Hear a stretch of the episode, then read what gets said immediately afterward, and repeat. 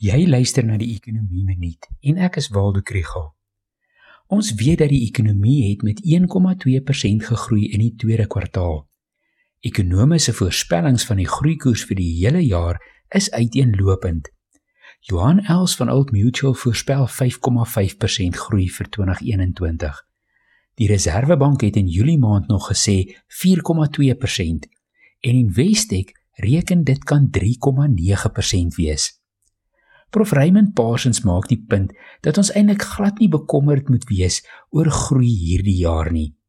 Die COVID-19 pandemie was 'n vraag en aanbod kan skok vir die ekonomie en selfs net 'n gedeeltelike terugkeer na normaal gaan 'n stewige groeikoers oplewer. Die moeilikheid is in 2022 se groei. Waar sal hierdie groei vandaan kom?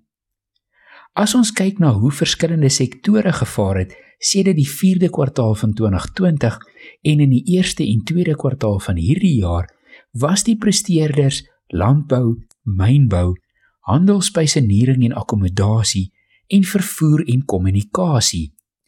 Vervaardiging het aanvanklik sterk herstel, maar toe skaars gegroei in die 1ste kwartaal en gekrimp in die 2de. Finansiële en sakedienste het ook gekrimp in die afgelope kwartaal.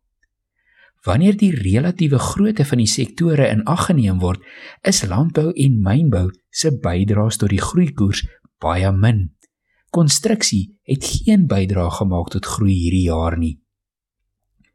Aan die bestedingskant van die BBP het die 1% groei in die eerste kwartaal van huishoudings en uitvoer afgekom. In die tweede kwartaal het amper net uitvoer bygedra tot die 1,2% groeikoers. Investering het gekrimp in die eerste kwartaal en het 'n 0,1 persentasiepunt bydra gemaak tot groei in die tweede kwartaal. So as ons vra waar sal die groei vandaan kom volgende jaar, het ons baie min beheer oor wat met uitvoer gaan gebeur en ons kan net hoop vir die beste vir die internasionale ekonomie. Hoopelik sal verbruikers bevoordeel word deur hierdie jaar se 5% groei. Mense moet weet dat hulle werke veilig is en dat hulle salarisse sal kry voordat hulle opgehoopte spaargeld bestee op uiteet, klere en vakansies.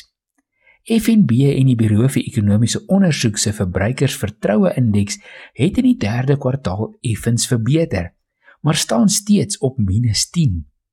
Dieselfde geld vir besighede, maar RMB en die Buro se sakevertroue indeks het afgeneem in die 3de kwartaal en staan op net 43 punte. Dit bring ons terug na die ou storie. Ekonomiese aktiwiteite gaan eers kan vlam vat wanneer meer mense ingeënt is en die inperkings gelig word. Investering gaan eers toeneem as daardie lankbeloofde hervormings sigbaar word.